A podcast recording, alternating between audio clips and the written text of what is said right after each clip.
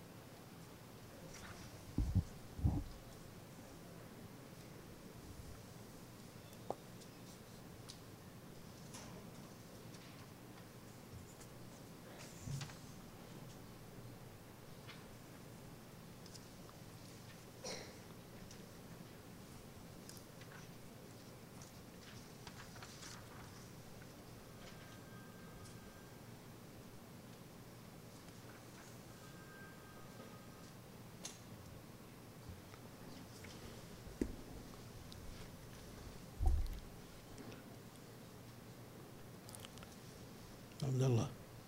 شوف الفتاوى كتاب النكاح. شو عندك؟ أظن واحد وثلاثين. واحد وثلاثين أو ثلاثين. معك معلم عليه. المحرمات. ها؟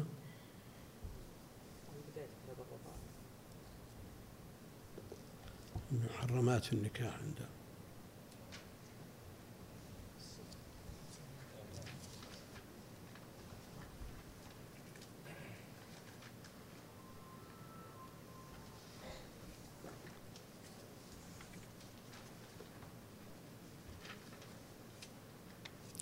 لا مو بهذا.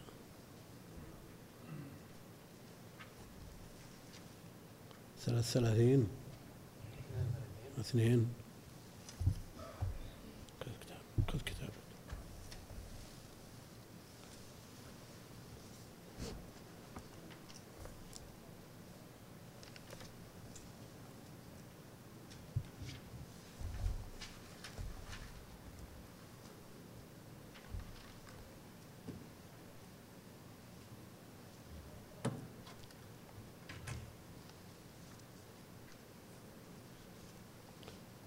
والاختيارات.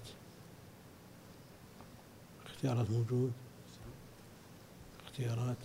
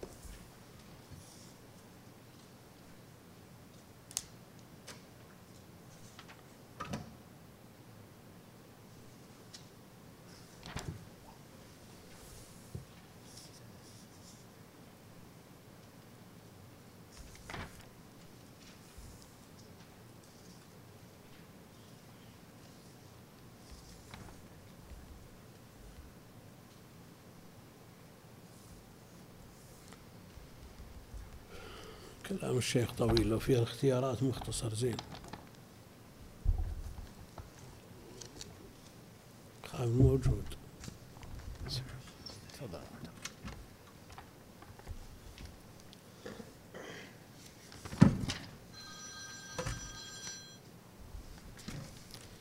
هنا في الكلام في آه، نكاح الخامسة في عدة الرابعة. اللي أشرنا إليه. الدرس الماضي إذا طلق الرابعة فهل له أن ينكح خامسة في عدة الرابعة أو لا؟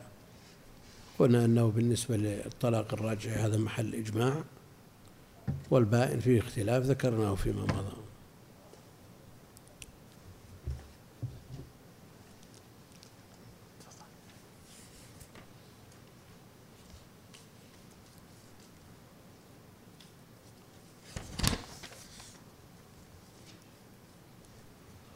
يقول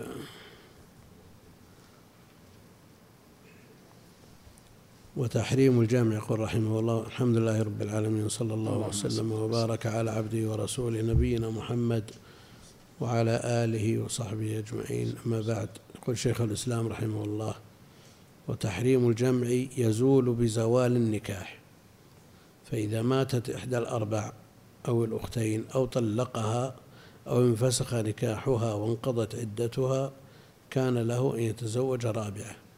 ويتزوج الأخت الأخرى باتفاق العلماء.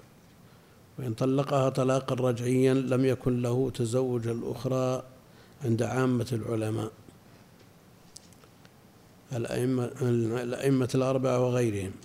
وقد روى عبيدة السلماني قال لم يتفق أصحاب محمد صلى الله عليه وسلم على شيء كاتفاقهم على أن الخامسة لا تنكح في عدة الرابعة. ولا تنكح الأخت في عدة أختها. وذلك لأن الرجعية في منزلة الزوجة. فإن كل من فإن كل منهما يرث الآخر لكنها صائرة إلى البينونة وذلك لا يمنع كونها زوجة كما لو أحل كما لو أحالها إلى أجل مثل أن يقول إن أعطيتني ألفا في رأس الحول فأنت طالق فإن هذه صائرة إلى البينونة إلى بينونة صغرى. ومع هذا فهي زوجة باتفاق العلماء. وإذا قيل لا يمكن أن تعطيه العوض المعلق به فيدوم النكاح قيل والرجعية يمكن أن يراجعها فيدوم النكاح. ولو وكذا لو قال إن لم تلدي في هذا الشهر فأنت طالق.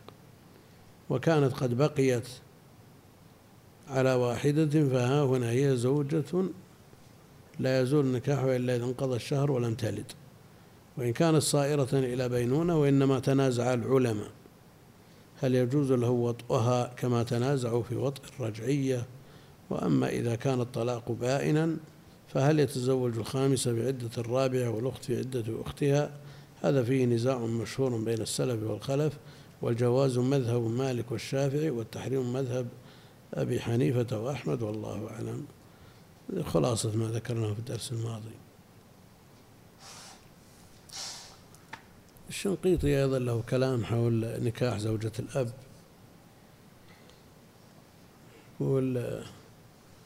قوله تعالى تعالى ولا تنكحوا ما نكح آباؤكم من النساء.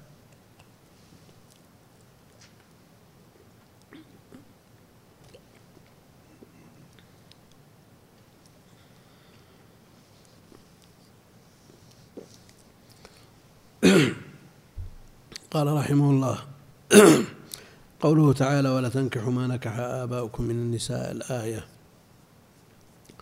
نهى الله تعالى في هذه الآية الكريمة عن نكاح المرأة التي نكحها الأب ولم يبين ما المراد بنكاح الأب هل هو العقد أو الوطء. لكنه بين في موضع آخر أن أن اسم النكاح يطلق على العقد وحده وإن لم يحصل مسيس وذلك في قوله تعالى يا أيها الذين آمنوا إذا نكحتم المؤمنات ثم طلقتموهن من قبل أن تمسوهن. فصرح بأنه نكاح وأنه لا مسيس. في الآية الأخرى أطلق النكاح على العقد على على الوطء على الوطء. في آية نعم حتى تنكح زوجا غيره. والمراد بذلك الوطء فلا يكفي العقد.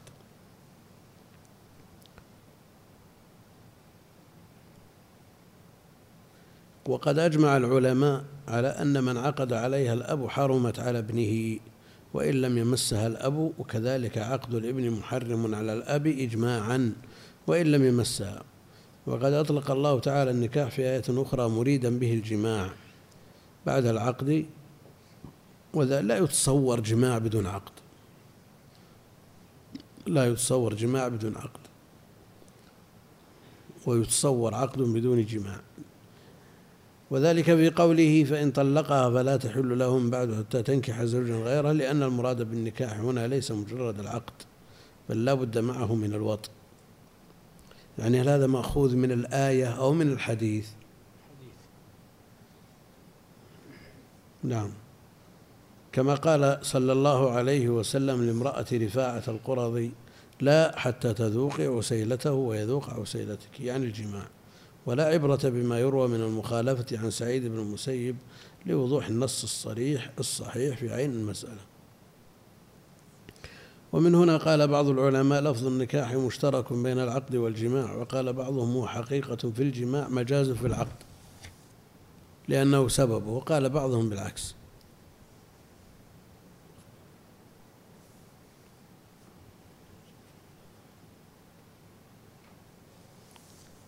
ثم قال بعد كلام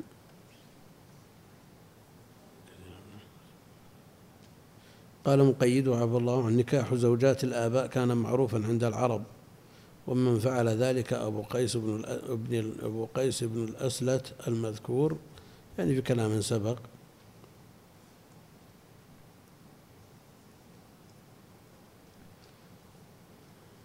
ولا تنكحوا ما نكح آباؤكم من النساء ذكر ابن أبي نقل ابن كثير عن ابن أبي حاتم أن سبب نزولها أنه لما توفي أبو قيس ابن الأسلت خطب ابنه امرأته فاستأذنت رسول الله صلى الله عليه وسلم في ذلك فقال ارجعي إلى بيتك فنزلت ولا تنكحوا ما نكح آباؤكم. كانت النساء تورث من ضمن التركة ومن سبق إلى المرأة ورثها مجرد ما يموت الشخص ينطلق أحد ورثته بثوب يضعه عليه يجللها عليه خلاص انتقلت إليه.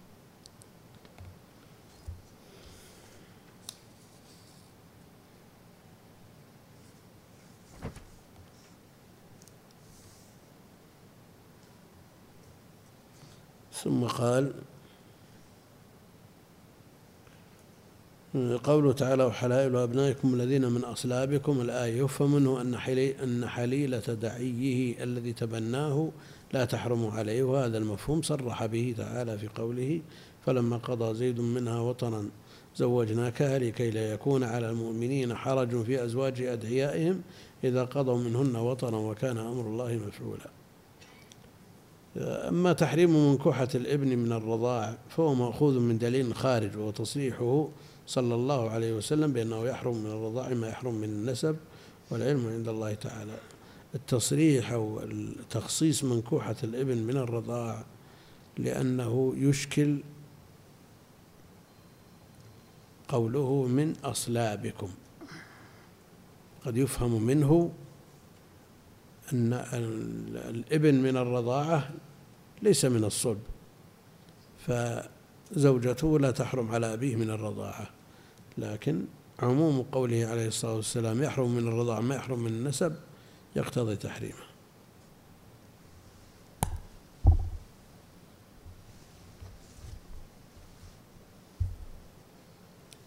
في كلام الشيخ الإسلام لكن مبثوث هنا وهو في الاختيارات مجموع محصور. يقول المؤلف رحمه الله تعالى الخرقي وإذا عقد على المرأة وإن لم يدخل بها فقد حرمت على أبيه وابنه لأن قوله جل وعلا ولا تنكحوا ما نكح آباؤكم من النساء يراد به العقد.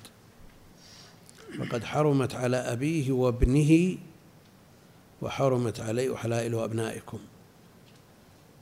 حرمت عليكم أمهاتكم إلى أن قال وحلائل أبنائكم.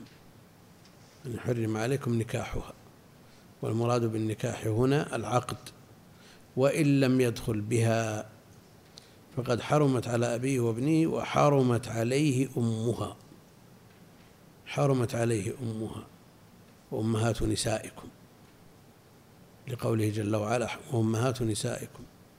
والجد وإن علا فيما قلت بمنزلة الأب. الجد مثل الأب في تحريم زوجة حفيده أو سبطه. مثل الأب. يعني لأنه يصح أن تسمى زوجة ابنه لأن الجد أب. وابن الابن وإن سفل بمنزلة الابن تحرم عليه زوجة جده لأنه بمنزلة الابن. وكل من ذكرنا يقول رحمه الله وكل من ذكرنا من المحرمات من النسب والرضاع. لكن أحسن الله إليك. قال وابن الإبن فلم يكن الأولاد أقول وابن الولد ليشمل الإبن والبنت؟ إلا. يعني أشمل ابن الولد لأنه بالنسبة لولد بنته سبطه سبطه يكون جده مثل مثل منزلة أبيه وكل من ذكرنا من المحرمات من النسب والرضاع.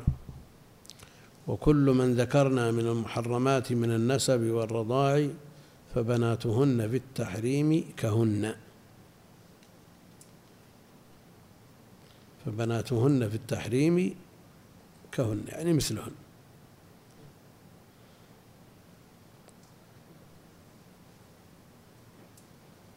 وكل من ذكرنا من المحرمات من النسب والرضاع فبناتهن في التحريم كهن بنت الأم بنت البنت بنت الأخت إلى آخره من المحرمات المذكورات سابقا السبع.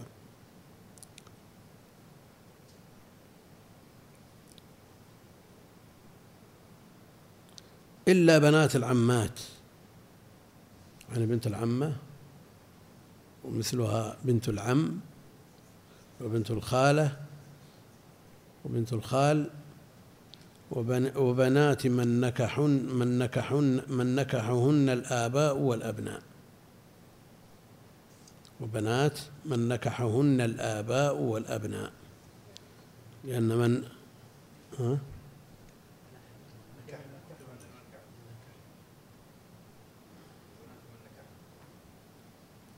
ما يفرق. بس بدل ما تصير الآباء فاعل تصير مفعول. ها؟ وبنات من نكحهن الآباء تصير ربيبة. والأبناء حليلة أو الابن نعم. وبنات من نكحهن الآباء والأبناء فإنهن محللات. يعني بنت العمة وبنت الخالة حلال ليس حكمها كحكم أمها. فلا تدخل في قوله كهن. بنات من نكحهن الآباء. بنت زوجة أبيك. بنت زوجة الأب. لا تحرم على الولد لا تحرم على الولد يعني فلا يستغرب أن يوجد في بيت رجل وابنه وامرأة وبنتها الأم زوجة الأب والبنت زوجة الابن. والأبناء يعني يصير العكس البنت مع الأب والأم مع الابن. فإنهن محللات. وكذلك بنات الزوجة التي لم يدخل بها. بنات الزوجة التي لم يدخل بها. بنات الزوجة التي الربائب إذا لم يدخل بأمهاتهن.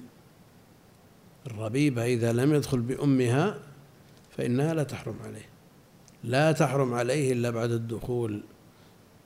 من نسائكم اللاتي دخلتم بهن. ووطء الحرام محرم كما يحرم وطء الحلال والشبهة وطء الحرام امرأة زنى بها نسأل الله العافية تحرم عليه أمها وبنتها كوطء الحلال كالنكاح. ووطء الحرام محرم. كما يحرم وطء الحلال والشبهة. وطء الحرام الذي هو الزنا.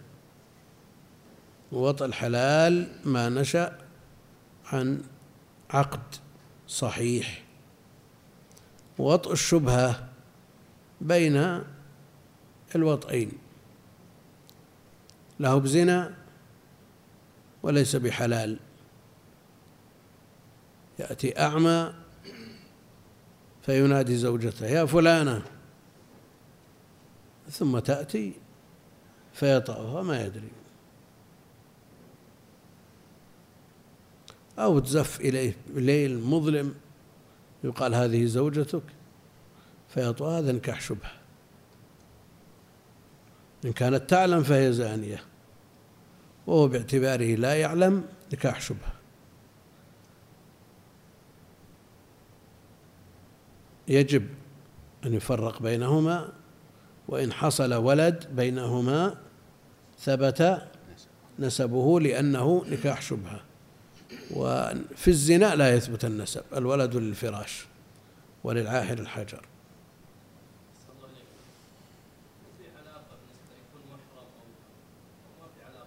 شو أي شيء؟ إذا حرمت عليه هل يكون المحرم لها؟ لا لا لا لا. لا. إذا حرمت عليه لا يكون محرما له.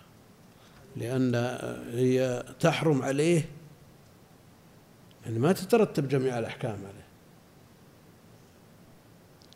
حتى البنت الناشئة من مائه ليس بمحرم لها ليس بمحرم لها ولو نشأت من مائه.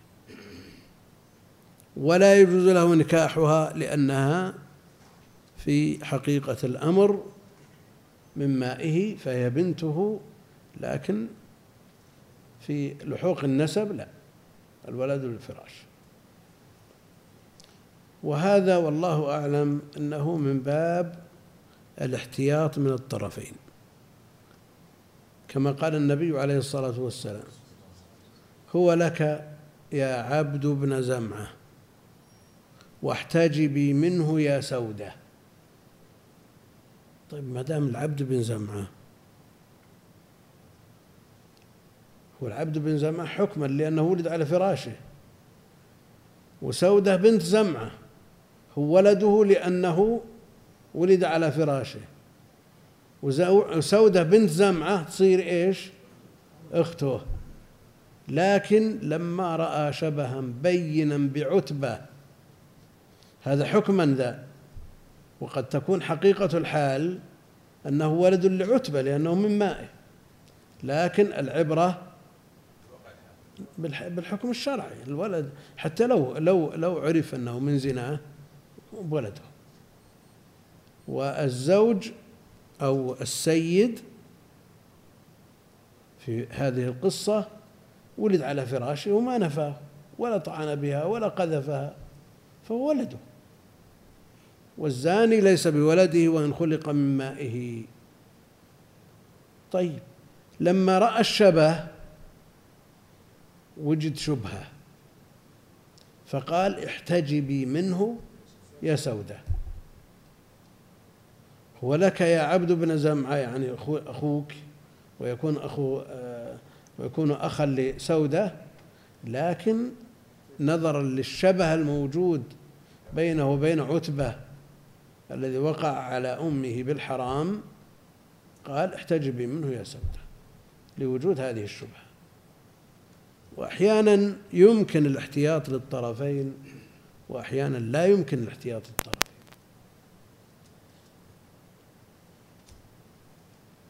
الآن لو ادعى شخص أنه من آل البيت بدعواه وليست هناك بينة ولا عرف بهذا النسب ولا استفاض. نقول لا بأس. أنت من آل البيت بالنسبة للزكاة. بالنسبة للزكاة أنت من آل البيت لا تحل لك الزكاة بإقرارك. وليس لك نصيب من الخمس حتى تحضر البينة. ها؟ إيه لأنه ما يعطى بدعواه تقبل دعواه على نفسه فيحرم من الزكاة. لكن ما تقبل دعواه في أنه يستحق ما يستحقه أهل البيت من من الخمس. وهذا حكما هو لك يا عبد بن زمعة.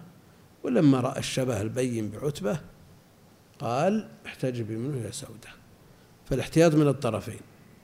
شخص رضع من امرأة أربع رضعات. أربع ما بخمس. فخطبها ولد لهذه المرأة المرضعة. هل نقول أن هذا النكاح غير محرم فتزوجها على بركة الله؟ ها؟ رضاع كيف الرضاع غير محرم. رضاع؟ نقول اجتنبها. ومع ذلك لا تكشف له لأن الرضاع غير محرم لا يصل إلى الخمس. فالاحتياط للطرفين في مثل هذا متصور لكن مسائل لا يمكن احتياط الطرفين. وقد يؤدي الاحتياط إلى ارتكاب محظور وحينئذ يكون الاحتياط كما قال شيخ الإسلام في ترك هذا الاحتياط. إذا أدى إلى ارتكاب محظور أو في ارتكاب محظور أو في ترك مأمور. فالاحتياط في ترك هذا الاحتياط. أمور جزما يعني إما أن تكون لفلان أو لفلان ما ما يمكن تنقسم. كما يحرم وطء الحلال والشبهة. في كلام كثير لأهل العلم وكلام طويل لشيخ الإسلام في هذه المسألة. في وطء الحرام.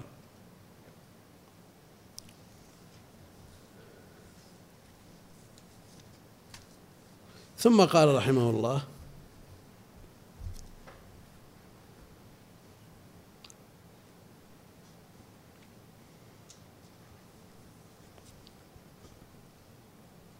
وإن تزوج أختين من نسب أو رضاع وإن تزوج أختين من نسب أو رضاع في عقد واحد فسد نكاحهما. في عقد واحد زوجتك فلان أو فلانة. فالنكاح فاسد. وإن تزوجهما في عقدين فالعقد الأول صحيح. والثاني فاسد. وإن تزوجهما في عقدين فالأولى زوجته لأنه ما يوجد ما يمنع من من هذا النكاح. لكن الثانية يوجد المانع وأنها أخت زوجته تجمع بين الأختين. وإن تزوجهما في عقدين فالأولى زوجته والقول فيهما فيهما القول في المرأة وعمتها مثل ما تقدم يتزوجهما في عقد واحد. نعم.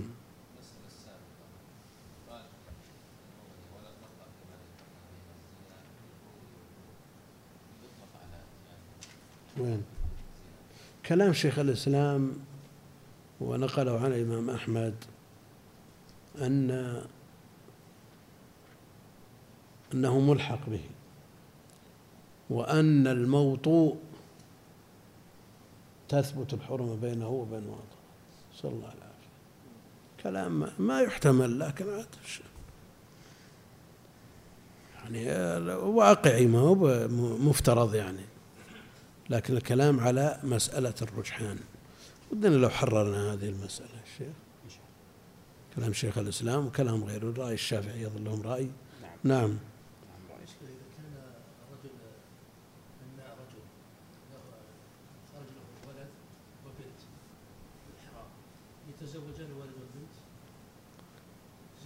من ماء واحد؟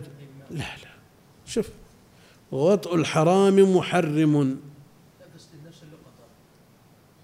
وهم من ماء واحد من رجل واحد. هذا في حقيقة الأمر والواقع وإن لم يكن يثبت لهم النسب إلا أنها من ماء واحد أخوة. والمحرمية ما تثبت مثل ما ذكرنا.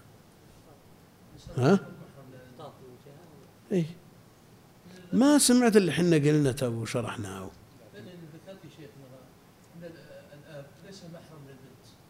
إي والأخ هذا ما هو محرم إلا البنت لكن لا يجوز أن يتزوجها لأنهما من ماء واحد فهما في حقيقة الأمر أخوان. وليست محرما له لأن النكاح هذا باطل. فالاحتياط من الجهتين.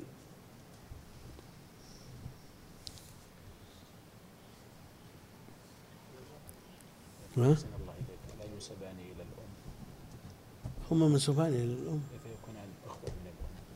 الإخوة من الأم؟ نعم. لكن بالنسبة للأب وعلاقتهما به وما يتصل به من أولاد له من غير هذه المرأة نعم لا يتزوج ولده البنت من غير هذه المرأة ولا بنته هذا الولد من غير هذه المرأة. مثل ما آه، قلنا في وطء الحرام محرم.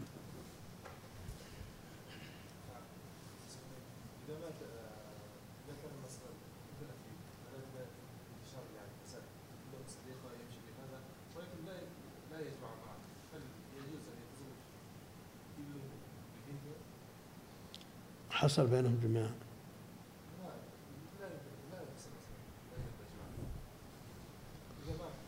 شلون تحط البنزين على النار ولا ولا تشتعل؟ ها؟ يعني أنت تصور مسألة ولا ما تنفي يعني؟ هم؟ أنت يعني متصورة المسألة يعني وجودها متصور أنه يوجد أصدقاء وليس بينهما زنا حين البلدية ترضى أنك تحط برميل الغاز بجنب الدينامو ولا تفصل بينهم بجدار ها؟ هذا أشد. كثير وأصدقاء وروحات وجيات ولا. الله الله المستعان. ها؟ إذا ما حصل الوطء لأنه يقول وطء الحرام محرم أنا ما في وطء لكن قد يقال أن التحريم يحصل بالخلوة. قد يقال وهذا قول لأهل العلم قوي ومنصور والمذهب إذا أسدل الستار حصل الدخول. شو؟ هي الخلوة. الله يرحم الله يرحم ضعفا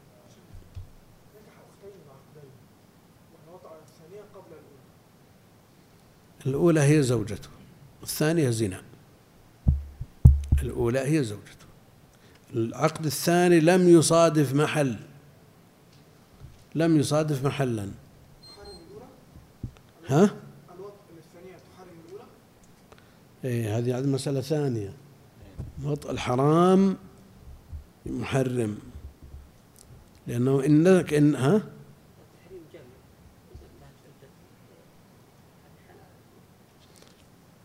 يعني مثل لو تزوج أخت ثم طلقها ثم تزوج الثانية إذا استبرأت الموطوءة حلت أختها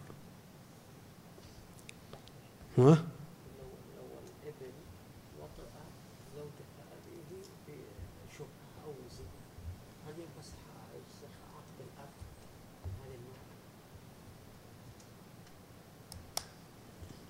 وش ذنبه؟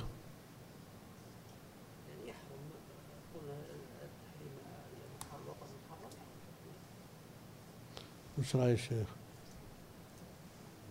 والله شيخ انه لا يحرم ها؟ الذي يظهر انه لا يحرم كما لو خدعت البنت الصغيرة ورضعت من الزوجة الأولى أين اللي تحرم؟ تحرم الأولى لأنها أم زوجته أو تحرم الثانية لأنها ربيبته. ها؟ شو؟ لا وإذا كان المسألة حيلة من الأولى فتعامل بنقيض قصدها.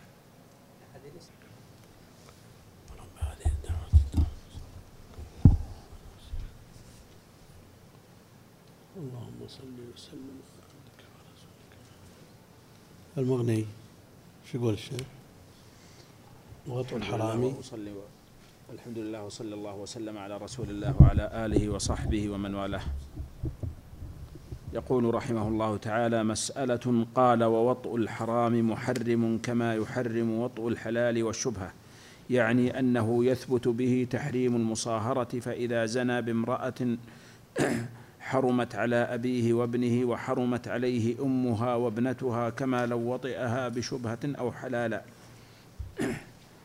ولو وطئ أم امرأته أو بنتها حرمت عليه امرأته نص أحمد على هذا في رواية جماعة. وروي نحو ذلك عن عمران بن حسين وبه قال الحسن وعطاء وطاووس ومجاهد والشعبي والنخعي والثوري وإسحاق وأصحاب الرأي. وروي عن ابن عباس أن الوطأ الحرام لا يحرم وبه قال سعيد بن المسيب ويحيى بن ويحيى بن يعمر وعروة والزهري ومالك والشافعي وأبو ثور وابن المنذر لما روي عن النبي صلى الله عليه وسلم أنه قال لا يحرم الحرام الحلال. يقول تعليقا عليها. أخرجه ابن ماجه في باب لا يحرم الحرام من كتاب النكاح. والدار قطني باب المهر من كتاب النكاح والبيهقي في باب الزنا لا يحرم الحلال من كتاب النكاح. ولأنه وطء لا صحته. ضعف ضعف ظاهر. لفظه. لفظه لا يحرم الحرام الحلال. والله بعيد. ولأنه هو وطء بكلام الفقهاء أشبه. نعم. ولأنه وطء من اللي قالوا أنت تسأل ولا تقرر؟ أنت تقول ضعيف جزمت الحين أنت؟ أوردناه مع الأخوان بحث ما هو جزم لأن لفظه لا يناسب اللفظ النبوي. وهو بلفظ الفقهاء يشبه لا سيما وأنه تفرد به ابن ماجه ولأنه وطء لا تصير به الموطوءة فراشا فلا يحرم كوطء الصغيرة. ولنا قوله تعالى ولا تنكحوا ما نكح آباؤكم من النساء والوطء يسمى فلا نكاح. يحرم كوطء الصغيرة. كيف؟ لأنهم لا يعدونها امرأة. يعني لا يوطأ مثلها. نعم. التي لا يعد لكن لو اغتصب بنت عمرها ثلاث سنوات وهي لا يوطأ مثلها ذلك يرون أنه لا يوجب عليه ها؟ يرون أنه لا يوجب عليه الحد.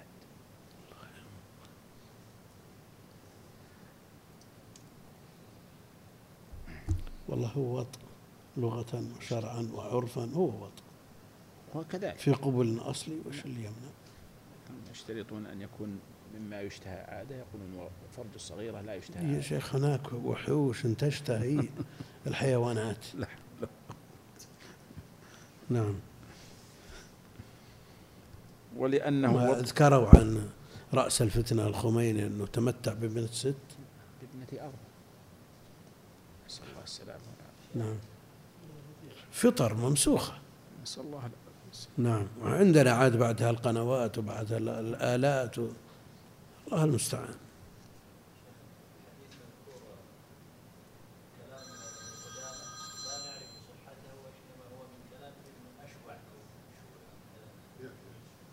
من اللي يقوله؟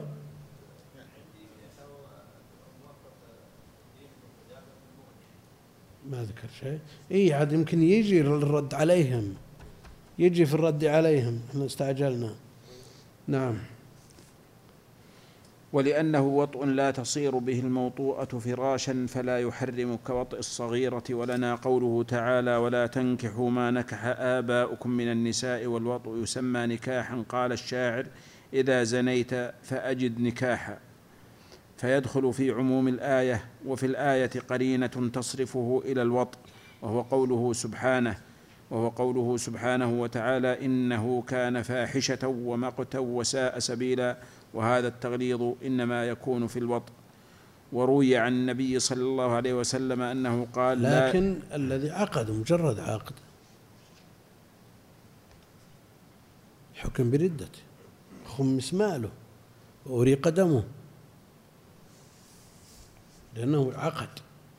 وإذا عقد فإنه مستحل. نعم.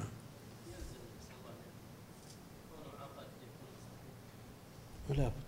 شنو العقد؟ اللي بيزني ما هو بعاقد. اللي راح يزني يعرف إن هذا حرام وش ما هو راح يدور عقد. ما هو فاضح النفس بناس يدورون يعقدون ويشهدون وكذا إلا إنه ما عنده مشكلة. نسأل الله العافية. قد يكون جاهل بالتحريم وفي كلام الشيخ الشنقيطي رحمة الله عليه لأنه حديث عهد بالإسلام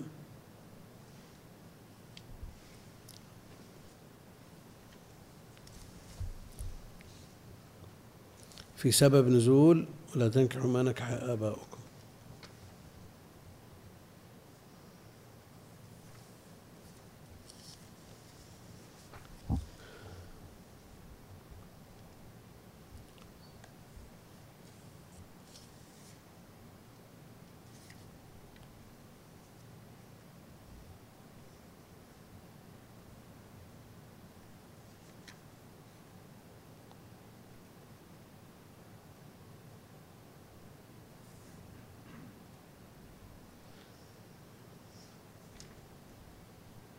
معناه يقول أن عمر معنى بيت ذكره معناه أن أن عمر بن الخطاب حلفه خمسين يمينا بعد العصر في المسجد أنه لم يبلغه نسخ ما كان عليه أهل الجاهلية من نكاح أزواج الآباء وذكر السويل وغيره أن كنانة بن خزيمة إلى آخره تزوج زوجة أبي خزيمة في ولد له النظر إلى آخر ما قال لكن إذا كان في بلاد بلاد كفر وكان حديث عهد بإسلام يعني ما يدري أن هذا محرم وإلا معروف الحكم. نعم. وروي عن النبي صلى الله عليه وسلم أنه قال لا ينظر الله إلى رجل نظر إلى فرج امرأة وابنتها. وروى الجوزجاني بإسناده عن وهب بن منبه قال ملعون من نظر إلى فرج امرأة وابنتها فذكرته لسان خرج الحديث. نعم. قال أخرجه ابن أبي شيبة في باب الرجل يكون تحته الأمة المملوكة وابنتها فيريد أن يطأ أمها من كتاب النكاح.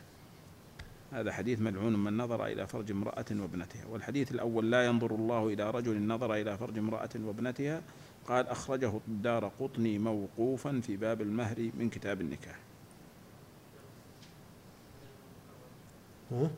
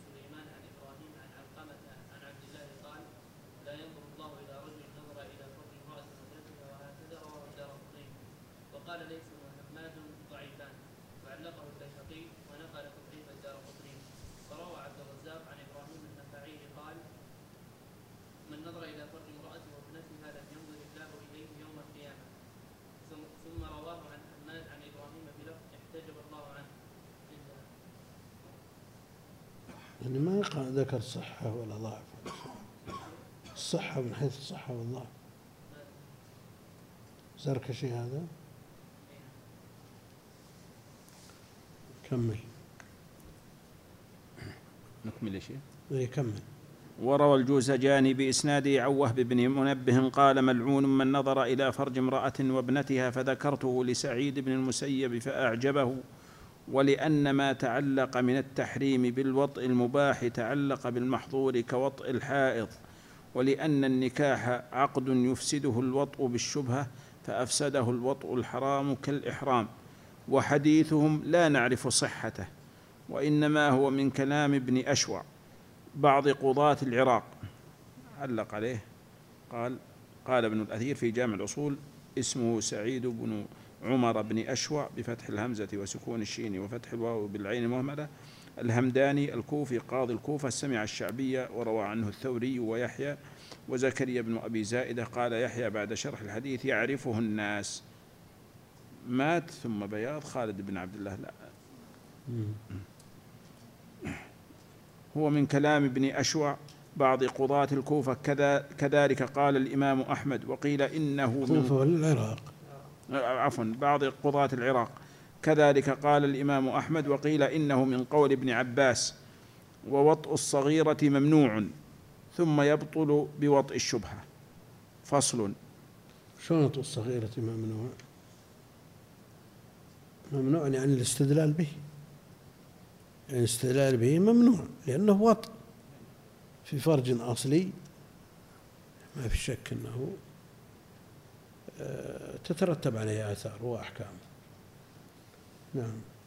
فصل والوطء على ثلاثة أضرب مباح وهو الوطء في نكاح صحيح أو ملك يمين فيتعلق به تحريم المصاهرة بالإجماع ويصير محرما لمن حرمت عليه ويصير محرما عفوا ويصير محرما لمن حرمت عليه لأنها حرمت عليه على التأبيد بسبب مباح أشبه النسب. الثاني الوطء بالشبهة وهو الوطء في نكاح فاسد أو شراء فاسد. وهو الوطء في نكاح فاسد أو شراء فاسد أو وطء امرأة ظنها امرأته أو أمته أو وطء الأمة المشتركة بينه وبين غيره وأشباه هذا. فهذا يتعلق به التحريم كتعلقه بالوطء المباح إجماعا. قال ابن المنذر أجمع كل من نحفظ عنه من علماء الأمصار على أن الرجل إذا وطئ امرأة بنكاح فاسد أو شراء فاسد أنها تحر أنها تحرم على أبيه وابنه وأجداده وولد ولده. وهذا مذهب مالك والأوزاعي والثوري والشافعي وأحمد وإسحاق وأبي ثور. وأصحاب الرأي ولأنه وطء يلحق به النسب فأثبت التحريم كالوطء يعني هذا وطء الشبهة مثل النكاح. لكن يبقى الوطء المحرم لما في الشبهة للزنا. ولا يصير به الرجل محرما لمن حرمت عليه ولا يباح له به النظر إليها لأن الوطء ليس بمباح ولأن المحرمية تتعلق بكمال حرمة الوطء لأنها إباحة ولأن الموطوءة لم يستبح النظر إليها فلأن لا يستبيح النظر إلى غيرها به أولى الثالث الحرام المحض وهو الزنا فيثبت به التحريم على الخلاف المذكور ولا تثبت به المحرمية ولا إباحة النظر لأنه إذا لم يثبت بوطء الشبهة فبالحرام المحض أولى ولا يثبت به نسب ولا يجب به المهر إذا طاوعته فيه. فصل. بهذا اللواط نسأل الله العافية. هات اقرأ. فصل. ولا فرق فيما ذكرنا بين الزنا في القبل والدبر لأنه يتعلق به التحريم فيما إذا وجد في الزوجة والأمة فكذلك في الزنا. فإن تلوط بغلام فقال بعض أصحابنا يتعلق به التحريم أيضا فيحرم على اللائط أم الغلام وابنته وعلى الغلام أم اللائط وابنته قال ونص عليه أحمد وهو قول الأوزاعي لأنه وطء في الفرج فنشر الحرمة كوطئ المرأة ولأنها بنت من وطئه وأمه فحرمتا عليه كما لو كانت الموطوءة أنثى وقال أبو الخطاب يكون ذلك يعني كالزنا. كالزنا. فمن يقول بأن الزنا محرم يقول أيضا بمثل هذا الوطء يحرم. نعم. وقال أبو الخطاب يكون ذلك كالمباشرة دون الفرج يكون فيه روايتان. والصحيح أن هذا لا ينشر الحرمة فإن هؤلاء غير منصوص عليهن في التحريم فيدخلن في عموم قوله تعالى وأحل لكم ما وراء ذلكم ولأنهن غير منصوص عليهن ولا في معنى المنصوص عليه فوجب ألا يثبت حكم التحريم فيهن فإن المنصوص عليهن في هذا حلائل الأبناء ومن نكحن ومن نكحهن الآباء وأمهات النساء وبناتهن وليس هؤلاء منهن ولا في معناهن لأن الوطأ في المرأة يكون سببا للبعضية ويوجب المهر ويلحق به النسب وتصير به المرأة فراش. ولا بضعية؟ بعضية عندي قال في نسخة أخرى للبضعية. إيه. وش الفرق بينهم؟ هي أنها بعض منها. بضعية أنها ولا بضعة من؟ نعم. ها؟ بضعة من. إذا تكون معنى واحد. إيه لكن النص بضعة مني. قطعة مني. شو قطعة؟ قطعة نعم. ويوجب المهر ويلحق به النسب وتصير به المرأة فراشا ويثبت أحكاما لا يثبتها اللواط فلا يجوز إلحاقه بهن لعدم العلة وانقطاع الشبه ولذلك لو أرضع الرجل طفلا لم يثبت به حكم التحريم فها هنا أولى وإن قدر بينهما شبه من وجه ضعيف فلا يجوز تخصيص عموم الكتاب به واطراح النص بمثله. فصل. ويحرم على سم. يكفي. الله المستعان الله المستعان ما هنودنا بكلام شيخ الإسلام؟ يقول فالأولى زوجته والقول فيهما القول في المرأة وعمتها. القول القول ولا كالقول؟ عندنا القول. القول القول كذلك. أي نعم. والمرأة وعمتها يعني إذا تزوجهما بعقد واحد إما جميع فهي عقد فاسد وإن كانت واحدة تلو الأخرى فالأولى زوجته وإن تزوج أخته من الرضاعة وأجنبية في عقد واحد ثبت نكاح الأجنبية تزوج أخته من الرضاعة يعني تتزوج من يسوغ له نكاحه ومن لا يسوغ فنكاح من يسوغ سائغ ونكاح من لا يسوغ مردود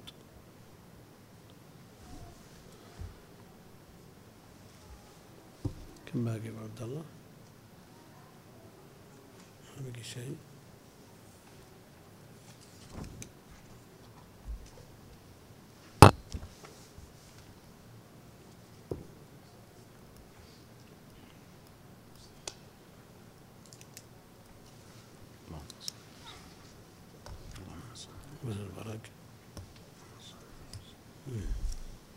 لا ما يبدي اللهم صل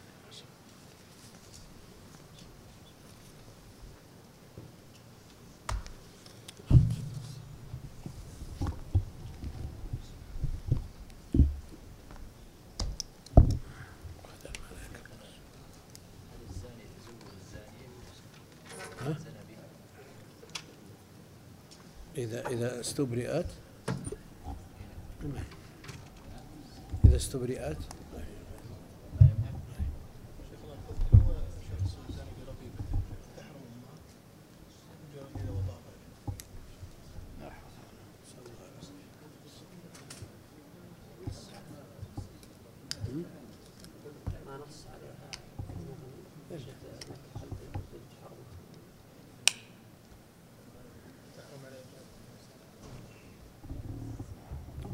أن المسائل إذا نظرنا إلى المقاصد فإنها قد تكون البنت لها مقصد بحيث هي لا تريد هذا الرجل لأمها أو تريد مفارقته لأنه مؤلم لها أو كذلك ما أشبه ذلك فتتجمل له وتعرض له وتفتنه. من أجل يفارقه وينفسخ نكاحه يعاملهم ينقض القصد. نسأل الله العافية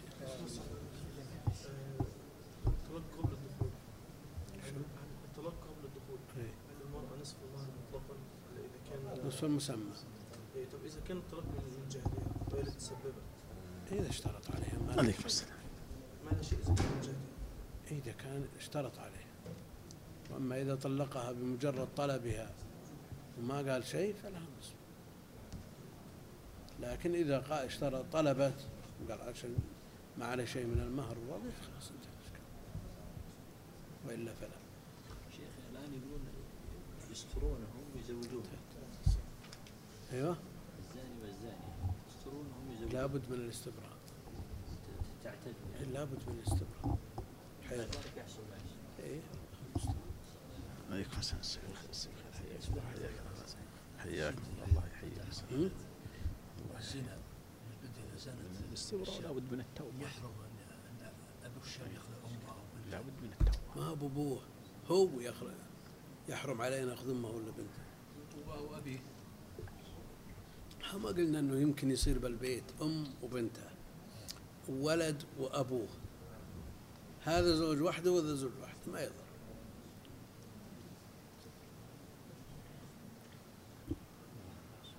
شيخ الله يرحمه، بالنسبة لي أم الزوجة من الرضاعة يحرم من الرضاع ما يحرم من النسب هذه مصاهرة شو؟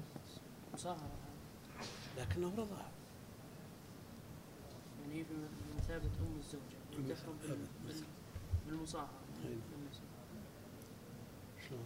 أم الزوجة تحرم على الزوج بالمصاهرة طيب. كيف تحرم بالرضاعة؟ إيه هذا الشيخ الإسلام له كلام في هذا يرى إنه ما يدخل. شيخ محمد هذه كتبك بس حتى لا تنساها. اللهم صل وسلم على نبينا محمد.